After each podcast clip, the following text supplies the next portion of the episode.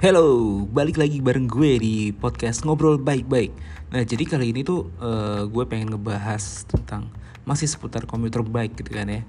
Kenapa kenapa komuter bike itu sekarang bisa naik daun gitu. Terus ya seperti yang pernah gue bahas sebelumnya, jadi setelah demam sepeda lipat, sekarang muncul tren komuter bike. Ya, walaupun sebenarnya masih banyak orang yang salah paham mengasosiasikan komuter bike dengan sepeda jadul frame lurus, full rigid pakai keranjang atau rak depan. Nah tapi oke okay lah mari kita bahas yuk. Nah jadi kenapa komuter bike ini jadi ngetren? Ini ada beberapa sih ya analisa saya sebagai pesepeda yang melakukan commuting dengan sepeda. Jadi oke okay ya urutan pertama. Nomor satu komuter bike itu mengembalikan fitrah sepeda sebagai alat transportasi jadi inti dari komuter bike itu kan menggunakan sepeda sebagai alat transportasi yang biasa dipakai tiap hari gitu kan ya. Untuk aktivitas apa aja. Mau kerja sampai senang-senang. Terus terlebih saat pandemi ini, jadi orang tuh punya keraguan untuk naik transportasi umum. Dan karena selama pandemi ini hmm, banyak pusing ya kan. Jadinya sepeda tuh jadi pelarian buat ini gitu. Transportasinya dapat, funnya juga dapat. Oke, nomor dua. Gak melulu jadi hamba Strava. Ini pendapat pribadi gue sendiri sih. Jadi dulu gue tuh selalu nyalain entah itu Endomondo atau Strava, terus pamer di sosmed tentang jarak, waktu, dan lain-lain gitu kan. Tapi sekarang setelah menganut paham komputer baik, gue jadi lebih hargai perjalanan itu sendiri. Jadi bukan tentang berapa jarak atau waktu tempuh atau waktu tempuhnya ya, tapi lebih ke experience experience apa yang gue dapat selama di jalan gitu di sepanjang jalan. Jadi ini kelihatan banget nih. Jadi dulunya tuh kalau buat gue foto tuh nggak penting. Yang penting cepet sampai uh, kejar waktu gitu kan. Strava bagus gitu uh, jaraknya jauh waktu paling pendek gitu. nah sekarang malas sengaja jalan santai gitu. Takut kelewatan kalau ada spot foto bagus. Jadi kalau ada spot foto bagus sekarang ya nggak peduli waktu deh. Yang penting jalannya seru gitu kan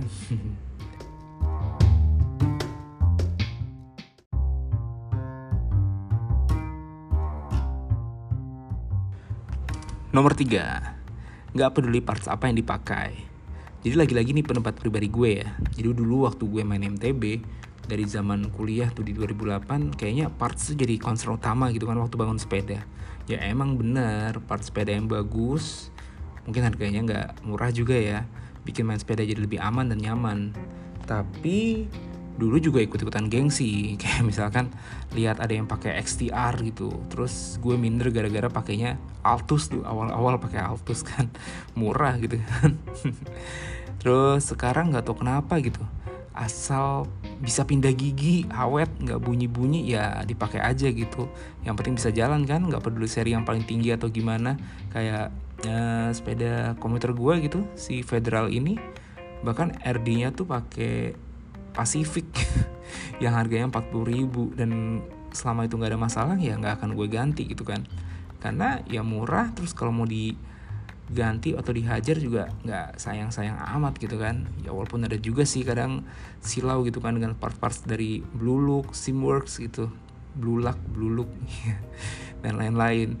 Tapi ya serunya gitu kan paham komuter bike ini juga bikin produsen lokal keluarin macam-macam parts bagus dengan harga yang merakyat. Bagus banget dong kayak misalnya ada si apa kalau kita lihat uh, handlebar aja gitu. Kan banyak banget yang merek dari luar tuh Simworks gitu yang ngeluarin kayak Jungle Runner bar atau apa gitu atau Bullmoose gitu kan. Nah dari luar tuh mahal gitu di atas satu jutaan gitu tapi banyak produsen lokal yang membuat yang harganya itu nggak nyampe 500 ribu 200 ribu tuh kualitasnya udah lumayan gitu. Jadi ya keren dong. Oke nomor 4 nggak ada outfit yang wajib gitu. Nah ini bedanya kalau kita main road bike gitu kan kayaknya kudu pakai jersey atau dan bib short gitu kan yang sepeda apa baju-baju ketat gitu. Atau kalau misalkan main MTB harus pakai jersey dan apparel lainnya MTB banget gitu kan.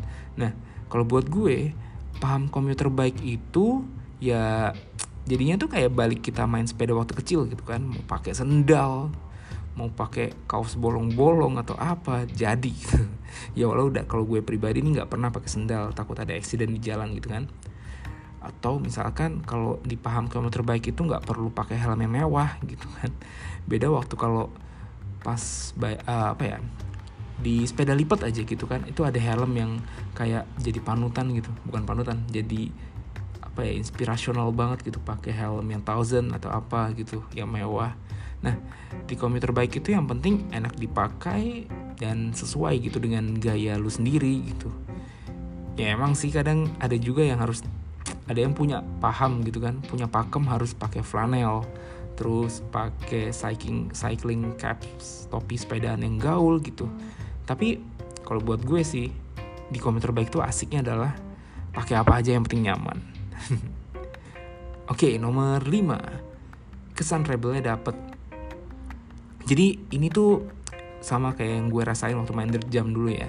Jadi gue ngerasa paling apa ya ngerasa kalau paham kamu terbaik ini juga ada rebel-rebelnya gitu. Dulu kayak waktu main Dirt Jam itu gue ngerasa lebih keren aja lebih rebel gitu karena pakai jeans pakai fans gitu kan sepatunya.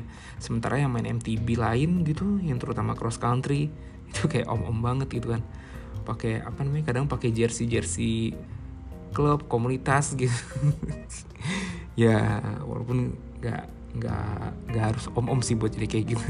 Tapi di pam komuter terbaik ini gue ngerasa ada spirit rebel dari rutinitas sehari-hari gitu kita rebel naik sepeda nunjukin bahwa naik sepeda tuh asik banget. Ke orang-orang yang terjebak macet terjebak desak-desakan di angkutan umum hmm, kejebak harus isi bensin terus-terusan gitu dan lain-lain kan. Hmm. terus nomor 6 nomor 6 kenapa uh, paham komuter baik ini nge-booming gitu sekarang? Karena menurut gue ini terbuka untuk jenis sepeda apa aja. Misalnya ya kalau kita main road bike ya kita biasanya ngeliat-liat kan temennya itu pakai sepeda apa gitu.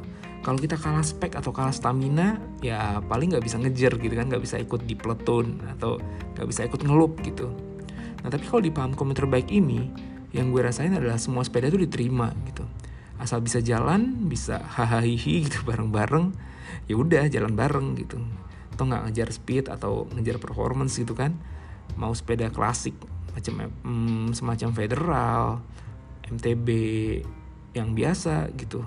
Sepeda lipat bahkan sepeda mini yang penting bisa jalan bareng ya udah jalan gitu. Komuteran bareng gitu. Nah jadi kayaknya itu beberapa poin yang menurut pendapat gue pribadi bikin paham komuter baik itu diterima banget sama cyclist di Indonesia gitu kan. Dan jadinya ngetren makin banyak yang sepedahan gitu. Nggak peduli apa pun sepedanya yang penting bisa-bisa bi biasanya ya banyak juga yang kayak nemu wah ini sepeda zaman dulu nih. Sepeda yang dipakai waktu SD waktu SMP dibikin lagi dibangun lagi gitu untuk ngikutin tren paham kilometer baik ini gitu. Jadi ya pesan terakhir gue nih ya ini nggak ada aturan baku tentang apa itu komuter baik gimana bentuknya. Yang ada sih emang ada style yang jadi kiblat seperti apa kayak misalkan stylenya blue lock atau ya apa ya yang paling terkenal ya itulah blue lock itu. Tapi semua sepeda tuh bisa jadi komuter terbaik kalau emang dipakai buat dukung aktivitas sehari-hari terlepas jenis sepedanya pakai keranjang atau enggak udah blue lock banget atau belum gitu loh. Jadi pakai aja deh sepeda yang kita yang kita punya sekarang gitu. Otomatis jadi kok komuter terbaik. Oke sampai jumpa di ngobrol-ngobrol uh, ngobrol baik-baik selanjutnya ya. Dah